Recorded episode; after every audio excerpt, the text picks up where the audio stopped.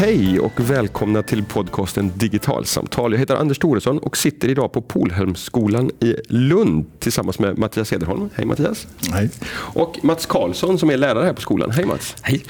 Anledningen till att jag är här idag är för att vi ska spela in ett avsnitt om källkritik 2019. Eh, och anledningen till att jag har valt att göra det här just med er två är att ni är upphovsmännen till en populär stor Facebookgrupp som heter Källkritik, Fake News och Faktagranskning.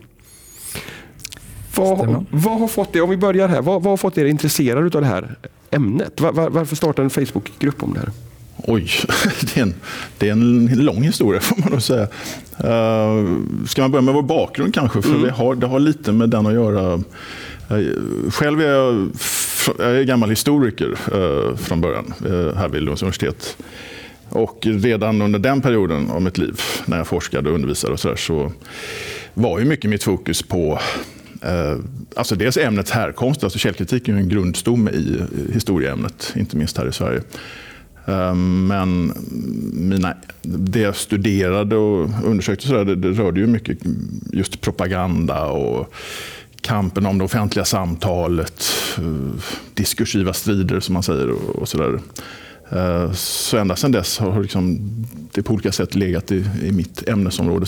Under ett par år så undervisade jag också i omvärldsanalys som har mycket att göra med hantering av information och bedömning. Och också detektera eh, desinformation mm. och liknande. Och nu då under senare år då när, diskussionen började rasa igång, inte minst med presidentvalet 2016 i USA och så vidare, så exploderade ju debatten kring det här med så kallade fake news och manipulation av plattformar och allt möjligt. Och då såg vi att ja, här finns det ett behov eh, av fördjupning, eh, nätverksbyggande eh, kring, den här, ja, kring det här fältet som inte fanns i landet. Mm. Ehm, så då började vi starta upp den gruppen 2017 som ju bygger rätt mycket på ja, vår löpande omvärldsbevakning som vi gör offentligt så att säga, mm. i den här gruppen för, för att sprida informationen. Och, och försöka bygga upp då nätverk kring, kring den här kunskapen. Mm. Det var din bakgrund Mattias. Hur, var, hur ser ditt intresse, eller var, varför intresse Jag är också gammal eh, forskare, fast då från naturvetenskapliga hållet i, i eh, kemi. Då. Och, mm. eh, sen har jag på senare år eh, börjat arbeta i, i skolvärlden och eh, just då runt 2016 när det här begreppet kom upp så, så blev det ju väldigt mycket diskussion bland lärare och bland elever också om det här med, med fake news. Och, eh, I samband med det började det också eh, dyka upp mer och mer eh, problem i klassrummen att, eh, med elever som, som hade väldigt starka åsikter om eh, eh, det som vi normalt sett kallar för konspirations, eller baserade på konspirationsteorier helt enkelt. Mm. och där någonstans såg vi att det skulle behövas ett samlat grepp att ta hand om båda de här problemen i, i en samlad eh, mm. form. Mm. Det var då yes. vi diskuterade. Ja. Om vi ska skjuta in den här diskussionen från ett riktigt helikopterperspektiv. Vad är källkritik 2019? Vad, vad, liksom, vad, vad lägger ni i det begreppet just nu? Vem ska börja? Ska, ska jag? jag kan säga så här att eh, det som mer och mer har kommit att bli, bli eh, tydligt är att många aktörer ute på internet faktiskt använder internetplattformar för påverkan och mm. påverkansoperationer som kan vara ganska eh, sofistikerat utformade. Och eh, för att eh, helt enkelt i någon mån ge publiken verktyg att hantera detta mm. så eh, behövs källkritik i den formen. Mm. och det blir ju då ett ett verksamhetsområde som är mycket större än den klassiska källkritikens eh, område där man ju tittar på källan i sig. Här handlar det mycket om var kommer eh, min information ifrån och varför ser just jag det här just nu? Mm. Eh, som inte eh, traditionellt hanteras i den, den tryckta källkritiken på samma sätt. Ja, men, precis. Alltså, det, det, som har hänt är ju också att förr när man satt med den klassiska tryckta källan så var man någorlunda för det mesta bekant med vilken är avsändaren. Eh, man hade en förförståelse som kunde hjälpa till. Nu, har man ett, ofta om vi utgår från sociala medier, ett flöde där allting eh, eh, blandas huller om buller. Det är klassiska nyhetsmedier, fast i digital form, men det är också vänner och bekanta, det är okända aktörer som man inte riktigt kan placera, det är annonsering. Det är humor och mm. allvar. Allting blandat utan liksom någon slags åtskillnad. Och då handlar det dels om att sortera, eh, försöka klassificera vad är det jag ser. Varenda inlägg eller varenda post är ju liksom någonting som behöver någon form av snabbt, kort övervägande. Ehm, men sen också då försöka detektera det här att om folk eller aktörer vill påverka en. Och det vill ju egentligen alla mer eller mindre. Det handlar ju även om att förstå att vänner och bekanta kan ha åsikter och, och sånt som är ute efter att eller som har en tendens att påverka att allt man själv gör påverkar andra. Eh, allt du delar och skriver och så vidare förändrar andras flöden och ger intryck på dem. Alltså, så det, det gäller både att förstå hur plattformar fungerar, hur meddelanden och budskap och påståenden kan påverka och manipuleras på olika sätt. Och det gäller både innehållet, och det gäller plattformen, det gäller trafiken. Eh, det kan gälla digital manipulation av bilder och video och så vidare. Eh, det är så många, många fler moment mm. idag eh, som man måste tänka på. Och Det handlar både om tekniska möjligheter som man måste känna till. Det handlar om hur man beter sig i grupp och gentemot varandra. Vad man gör faktiskt. Um, och, ja, och, och, liksom, Det handlar också om hur, hur, man uppfattar saker, hur man reagerar på saker. Det handlar om en viss insikt i ens egna jag brukar säga kognitiva sårbarheter och så vidare. Det, det, ja, det är många steg. Mm, mm.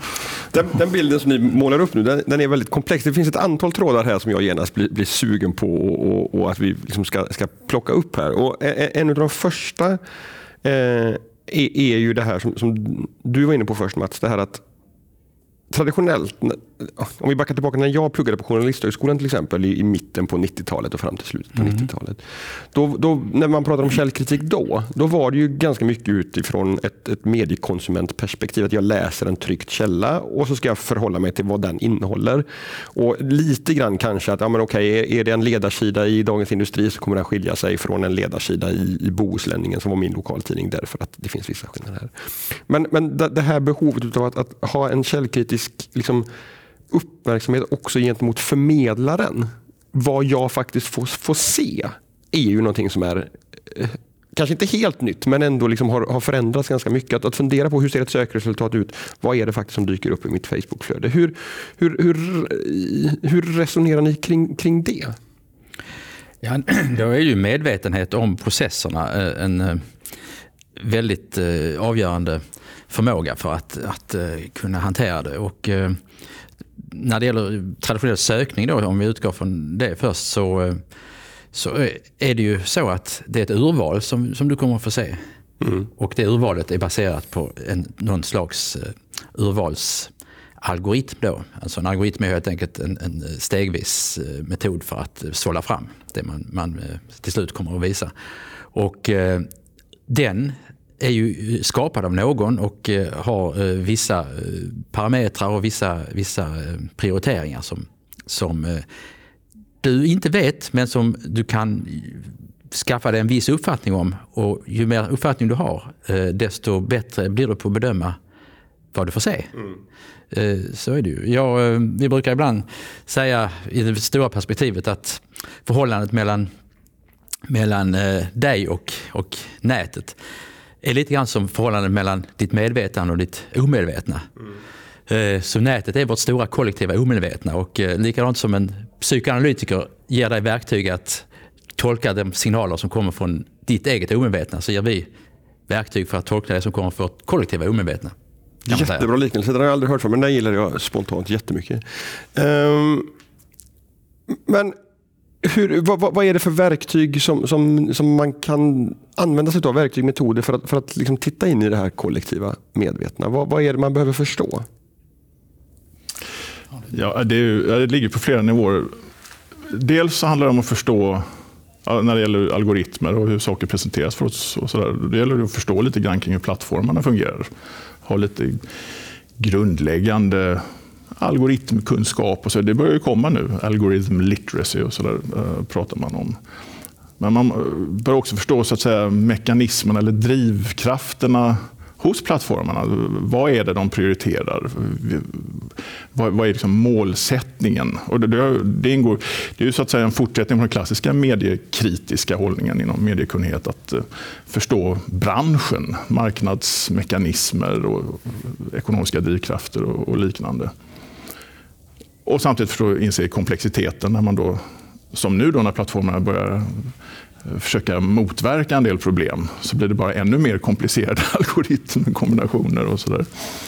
Eh, det, var, det är väl en, en del. Eh, sen finns det ju många andra verktyg.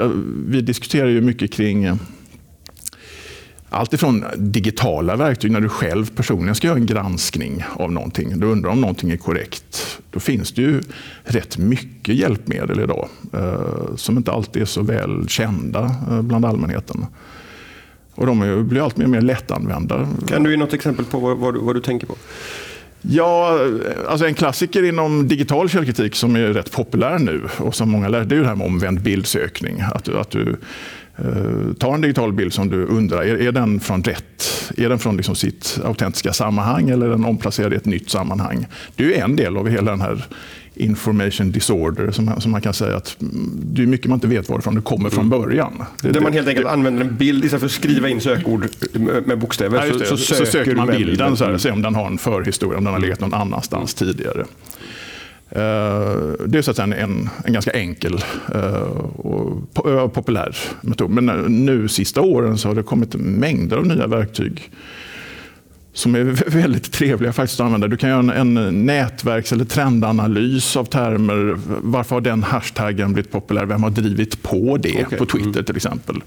Du kan lägga in det i Eh, Eh, ett verktyg som heter Hoaxy så kan du få en, eh, en eh, visualisering av var började det någonstans, vilka har drivit på och gjort det så att det har blivit stort och vilken tids, under vilket tidsflöde och, och så vidare.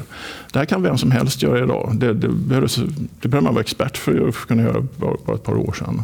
Sen har vi den här alldeles basala, vem ligger bakom en, en webbsida helt enkelt. Mm, ja. Den här HOIS-kontrollen. Mm. Som, mm.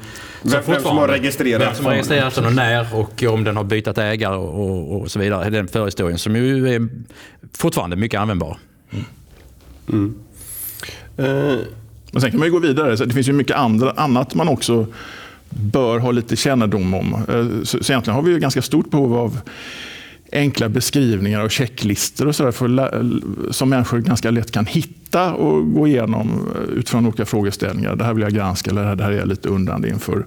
Och det gäller ju dels då digitala, såna här digitala verktyg, men det gäller ju även eh, i lite vidare sammanhang eh, kring det vi brukar kalla kritiskt tänkande i vidare mening. Alltså, här ser jag en, eh, någon som påstår att eh, ett, ett vetenskapligt påstående. Eh, till exempel att eh, eh, nej, det sker ingen uppvärmning i klimatet som, som många påstår. Så eh, åberopar man och har en länk till en artikel som ser vetenskaplig ut. Hur ska lekmannen kunna bedöma detta? Är detta ett rimligt påstående? Är det en rimlig källa?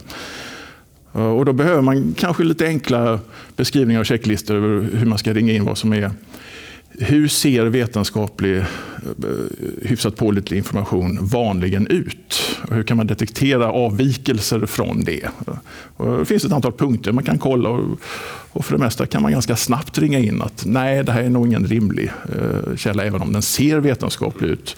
Även om den till och med är publicerad i någon tidskrift som ser vetenskaplig ut och så vidare. Eh, den typen av verktyg behöver också, tror jag, människor mer av.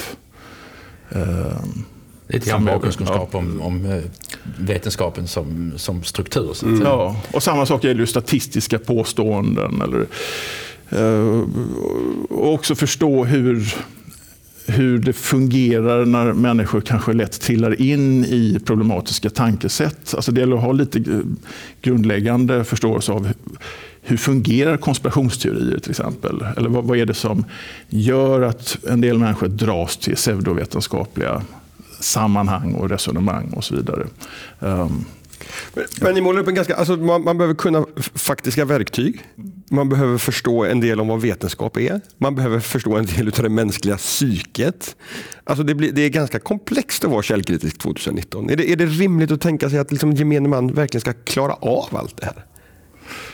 Ja, jag tror ju att det här är egentligen ett angreppssätt som det handlar inte bara om källkritik. Nej. Utan det, det, är ju någonting, framförallt i skolvärlden så är det någonting man ska lära sig i alla ämnen. Mm. Eh, vissa kritiska förhållningssätt. Det finns redan egentligen inskrivet rätt mycket i läroplanerna kring detta. Man behöver bara formulera om och fundera lite över nya sammansättningar och hur olika saker ska länkas ihop ehm, utifrån den nya vardagen för mm. människor, framförallt för ungdomar, alltså mm. den digitala vardagen. Men det är inte så att felaktiga påståenden och, och sånt är något nytt. Alltså, det, och det har även skolan känt till. Jag skulle vilja säga så. Det är en del av eh, det att det är ganska komplicerat att vara medborgare mm. 2019. Mm. Och det är bara det att det är någonting som vi have to deal with. Ja, vi, vi, må, vi måste ja. acceptera och faktiskt ja. liksom axla det ansvaret på något sätt. Det är en del av vår demokratiska eh, plikt, plikt och eh, problematik. Mm. Som vi inte som inte begränsar till nätet, men som, där nätet numera spelar en, en ganska stor roll mm. för, för åsiktsbildning och opinionsbildning. Mm. Och, så. och där kommer man in på en annan aspekt som, som ni också touchade vid i, i den här inledande beskrivningen. Och det, det är det här att um, med digitaliseringen och de digitala verktygen så, så flyttar också eh, liksom källkritiken in på nya arenor. Alltså det är inte bara i form av mediekonsument längre utan också i min vardag. När jag använder sociala medier och interagerar med liksom mina klasskamrater eller med fotbollslaget, de, de andra där. Att där behöver man också vara källkritisk kanske på ett ännu Alltså så här, jag har alltid behövt ta hänsyn till, men så här, är det där ryktet om, om min bästa kompis är det sant eller inte? Men, men nu, nu sprids det snabbare på nya sätt och så vidare. Att, att källkritiken blir i ännu större utsträckning ett verktyg i vardagen tänker jag också för, för oss, både som är lite äldre och de som är, är yngre. Ja, och en medvetenhet om vem kan se det jag skriver mm. och säger. Det, det, är många som råkat ut för det att ett meddelande som man tänker sig är till den närmsta kretsen visar sig att det syns för stort sett hela nätet. Mm. Det finns ju sådana här historier som om de är hoax eller inte vet man inte. Om någon som har annonserat att jag ska ha 50-årskalas till sin närmsta bekantskapskrets, tror de. Och så kommer det plötsligt 5000 personer mm. på gatan. Mm. Så, så, att det är också en, det blir verkligen in i vardagen den här mm. proaktiva tänkandet som man, man måste börja vänja sig vid. Mm. Jag, jag tror en, en viktig aspekt är Eh, Eh, man kan ju inte jaga allt som är problematiskt i sitt flöde. Sådär, utan det, det viktigaste ställningstagandet man måste göra hela tiden det är ju det man gör själv. Alltså vad man själv delar, eh, vad man själv prioriterar eh, i sin digitala vardag. Eh, och där är väl ofta jag ska säga, de etiska aspekterna ganska avgörande. och det, det brukar man ofta lyfta fram i såna enkla checklistor. Om du delar på sociala medier, tänk noga över, är detta viktigt? Varför vill du dela detta just nu? Vad är det som triggar dig? Eh, och så vidare. Och man kan säga att det är någon form av eh, allmängjord pressetik mm. det närmaste. Ett publicistiskt ansvar som ja, på. Mm. Det, det, finns ju den här, den är ganska klassisk nu, var och en sin egen journalist. Att man ska granska det, det man ser och så där. Men det är också var och en sin egen publicist nu med någon form av ja, publicistiskt etiskt ansvar. Allting man gör bör man fundera igenom en liten extra gång. Sådär.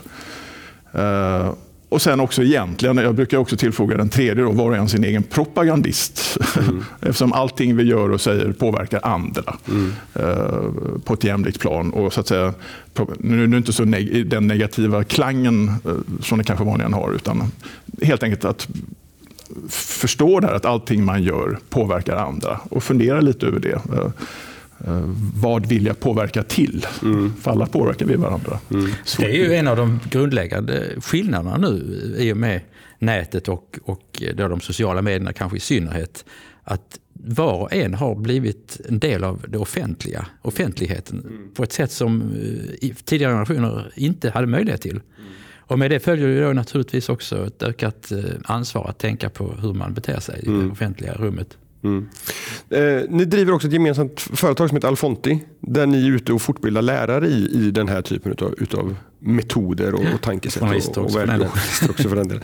Eh, och där kom ju Skolinspektionen med en, med en, en rapport i höstas som slog fast att det, det ser lite si och så ut med, med, hur långt svenska skolor faktiskt har kommit med de här liksom förståelsen för vad källkritik är.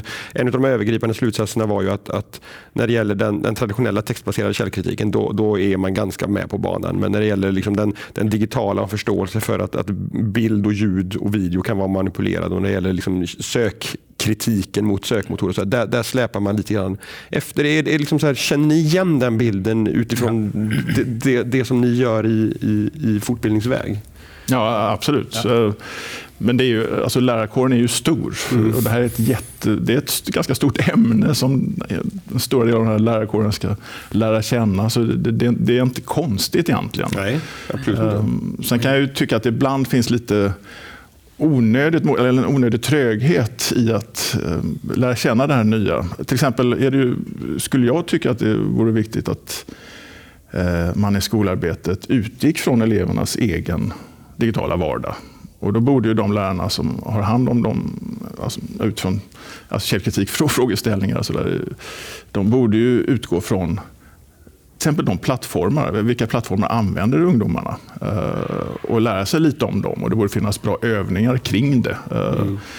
Och dit har vi inte riktigt kommit. Um, Nej, jag känner igen det att det finns på, i rätt många håll eh, en osäkerhet, en, en lite grann en eh, kanske en viss rädsla för att man inte behärskar ämnet och, och därmed eh, kan trampa fel. Mm. Och, och, och, så. så att eh, en, en uppstärkning av, av eh, den grundläggande kompetensen om kring de digitala verktygen och de digitala plattformarna, det, det tror jag verkligen är för, för, det som du är inne på här Mattias, det är att, att utgå ifrån där eleverna befinner sig själva. Jag tänker, som inte är lärare själv och inte är ute, men, men att det borde finnas ganska stora möjligheter att, att göra källkritiken till ett, till ett vardagsverktyg och därmed intressant. Därför att man lever i en informationsmiljö som skiljer sig rätt mycket från när jag gick på, i, i grundskolan på, på 80 och slutet på 90-talet, eller början på 90-talet. Eh, att, att man har helt andra möjligheter att faktiskt göra det här till, inte någonting som du behöver sen när du är vuxen och ska fatta beslut inför ett riksdagsval, vilket parti du ska rösta på och vad politikerna säger, utan här och nu behöver du det här för att genomskåda vad är en influencer och, och, och, och så vidare. Och det är även något som ökar intresset. Ja, alltså, ja, man, det är mycket lättare att lära sig mm. om det utgår från vad man verkligen håller på med i vardagen. Mm. Um. Jo, men det skulle ju gå att införa liksom, eh, trendar på Twitter just nu eller någonting mm. sånt. Eh, bara ha som ett, stående, ja, som ett stående inslag. En kvart på någon det finns ju, I USA finns det ju ett uh, nyhetsbrev som det, det, är väl de här uh, Media Literacy, oh, vad heter de? Foundation, eller vad de heter, som ger ut ett, nyhetsbrev, ett veckolikt nyhetsbrev som heter The Sift. Där de då går igenom ett antal alltså nyheter i branschen så att säga, som mm. gäller digital källkritik, nya politiska beslut eller nya rapporter och så vidare. Men så har de också en rad exempel på i amerikansk kontext då, virala fejknyheter eller eh, manipulerade bilder som har spridits på, på, sociala medier. Och så bygger de upp små övningar kring det. Mm. Uh, enkla kan vara diskussionsövningar eller en enkel digital granskning eller någonting. Utifrån hela tiden aktuellt material. Och det går rakt ut till lärarkåren i nästan hela landet, eller till mm. väldigt många skolor. Mm. Um, och det är högaktuellt, det är ofta knutet till elevernas vardag. Uh, det är ofta med lite populärkulturella kopplingar så att det blir extra intressant. Och, uh, och samtidigt är det då gediget och lärarkåren lär sig det som händer. Mm. Nya tekniska innovationer eller problematiker och mm. senaste rapporterna och så vidare. Uh, Sverige är ett litet land, men vi, vi, skulle behöva något liknande i den mån vi kan. Um, och plocka upp det som faktiskt ja. snurrar, ja, i, som snurrar. i, i, i, elevernas ja. nätverk och, och, och, plocka upp. Ja, det som är här och nu. Ja, just det. Mm. Någon av er var inne på det här också att, att ni räknar upp ett antal olika verktyg, jag tror det var du Mattias, att det, det kommer nya verktyg hela tiden. Och En sak som händer är ju också att, att Alltså ibland utmålas plattformarna, Google och Facebook, som, som att de inte riktigt vill ta ansvar för den informationen som sprids. Eh, och, och. Men, men, jag kan uppleva att åt, åtminstone på senare år att, att man, man ser en, en motsatt tendens att de intresserar sig faktiskt för att göra källkritiken lite lättare. En, en av de senaste sakerna som jag har sett är att WhatsApp som har använts för att sprida rätt mycket eh, fake news i Indien nu har fått inbyggda funktioner för att göra sån här reverse image mm. search. Mm. Till exempel. Ser ni den här trenden också? Att, att, oh, att, att plattformarna själva faktiskt flyttar fram positionerna här? Ja, absolut. Alltså, de, de var ju, man kan nog kritisera dem för att de var ganska sega med detta tidigare, men under sista ja, senare två, tre, fyra åren så har det kommit en lång rad intressanta ändringar och små innovationer och sådär. Um, och ibland kan jag tycka att kritiken mot dem nu är lite orättvis för det är ju enorma skutor att vända. Mm. Att börja peta i de här algoritmerna och få in nya funktioner och överväga effekterna när de kommer och så vidare. Det är ingen lätt sak. Nej, det är så enorma informationsmängder att de är ju tvingade att, att automatisera. Mm. De kan inte basera det på mänskliga av, omdömen rakt av över hela linjen. Så att då måste de implementera mm. eh, algoritmer igen då, mm. eh, som, som sköter detta. Och eh, att genomskåda deras eventuella bieffekter är ju inte så alldeles lätt alla gånger. Och man är ju rädd att hamna i andra diket och bli, bli alltför censurmässig. Mm, mm. Och det är ju någonting som, som användarna direkt skulle slå bakut mot. Så de, de har ju en, en svår balansgång mm. faktiskt. Mm. Och det, det gillar jag i deras tradition, de här plattformarna. Att många av dem har ju ytter, de sätter ju yttrandefriheten högt. Och det är nog en rätt bra utgångspunkt ja. när man nu ska börja liksom begränsa den på olika sätt. Att utgå från att begränsa så lite som möjligt. Mm. Men, och, och, och, att åtgärderna ska vara träffsäkra så att mm. säga. Um, Sen är det kanske lite grann omvändelse under galgen att de inser ja, att uh, opinionen har kommit ja, ja. I, i många länder nu att uh, görs inget så kommer, kommer lagstiftningen att slå till och bli betydligt mer uh, allvarlig förmodligen än vad de skulle själva Den börjar, den börjar ju bli rätt tuff nu. Storbritannien har ett nytt lagförslag som går ganska långt och det politiska trycket i USA är är hårt och så mm. vidare. Men, ja. men jag EU har ju sina ja, ja. ansatser. Jag, jag, tycker också det är intressant, jag såg en, en skärmdump på en, på en ny funktion som Facebook är på väg att rulla ut där man ska kunna se, hovra med musen över ett, ett en inlägg och så kan man få reda på att ja, men du ser det här för att du, har, du är vän med den här personen och brukar ofta klicka på länkar som leder till den här länken. Att, att, och, och det handlar ju inte på något sätt om att, att ge ett, ett ett källkritiskt verktyg utan snarare att, att bygga upp en, eller jo men det är väl källkritiskt i någon mening, att, att bygga upp en förståelse för om just de här algoritmerna som, mm. som väljer vad jag får lov att se och bara hjälpa till att, att bygga den, den medvetenheten hos, hos användarna. Vad, vad, liksom, vad, vad tror ni att man vinner på det? Ja, men det, det, har ju varit ett krav rätt länge på de här plattformarna att man, man vill ju att de här algoritmerna ska vara mer transparenta på något vis. Mm. Samtidigt kan ju inte algoritmerna offentliggöras fullständigt. För det skulle ju möjliggöra alla möjliga typer av manipulation av dem. och, så där. Mm. och Där tycker jag är en bra medelväg som Facebook har valt nu. Att man, man så att säga skriver algoritmerna men i ord. Du ser det här för att du har eller någon annan har och så vidare. Jag, tycker det, det ja, ja, jag tror att de vinner, vinner faktiskt eh, trovärdighet hos användarna. Mm. Helt enkelt. Mm. Man, man känner att man har mer koll på vad det är man man presenteras för. Mm. Sen får man ju se hur det ser ut, här, exakt vad det är för information man får. Men det, det låter klart intressant. Mm. Om vi ska avsluta med att blicka lite framåt. Hur ser, hur ser, hur ser framtiden för källkritiken ut? Vad, vad, vad, vad kommer hända i, i verktygsväg tror ni och, och, och så vidare liksom på, på några års sikt? En stor... Ja, det, det, det, kom en äh, rapport, eller vad ska kalla det, en, en sån enkät från Pew. Äh, det var väl hösten 2017 där de frågade runt 2000 experter i branschen, då, media, digitala medier och forskare och så vidare. Uh, och de frågade just det här med fake news, citattecken då, om den problematiska informationsläget då på uh, digital front. Hur kommer det se ut om, jag tror det var om sju år eller mm. någonting? Kommer det vara bättre eller sämre? Kommer det vara mycket bättre eller mycket sämre? Och det roliga var att de här expertskaran, då, som var ganska många, de skars ganska exakt mitt i tu. Hälften trodde att det skulle bli bättre och hälften trodde att det skulle bli betydligt sämre.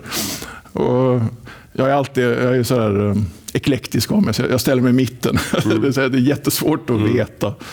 Eh, det är så oerhört mycket som händer. Just de här exemplen du tog upp, att plattformarna själva börjar agera.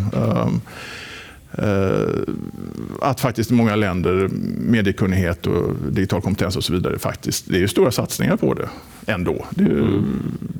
och det, det, kommer att ge resultat eh, efterhand. Samtidigt så kommer det nya utmaningar hela tiden, då, nya tekniska innovationer. Det som vi just nu diskuterar det är ju det här med ni vet, deepfake, alltså ja, AI-genererade mm. filmer och bild, ansiktsporträtt. Och man kan AI-generera text nu som är fullständigt övertygande utifrån några enkla parametrar. Och, och, det kan ju, och, och sätt att sprida detta kommer ju bara komma nya former för hela tiden. Alltså bara några år kan man tänka sig att du kan få ett telefonsamtal av en röst som låter som en god vän. Mm.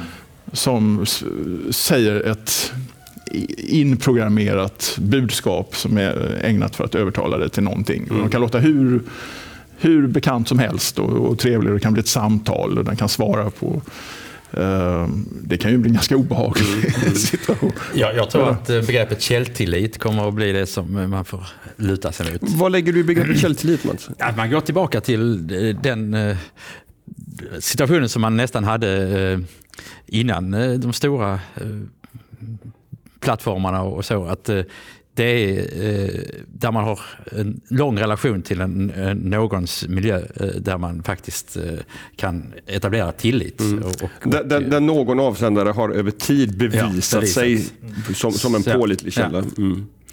Så, mm. Och att det finns också alltså, möjlig, alltså, någon slags kartor för folk att navigera. Det kan ju inte finnas sanningssidor som säger att det här är sanningen. Det blir väldigt problematiskt. Men en slags listor med rekommendationer och resurser där saker granskas. Jag kommer att tänka på det här med det här med faktakollar har blivit ganska populärt nu, som viralgranskaren i Sverige och så vidare.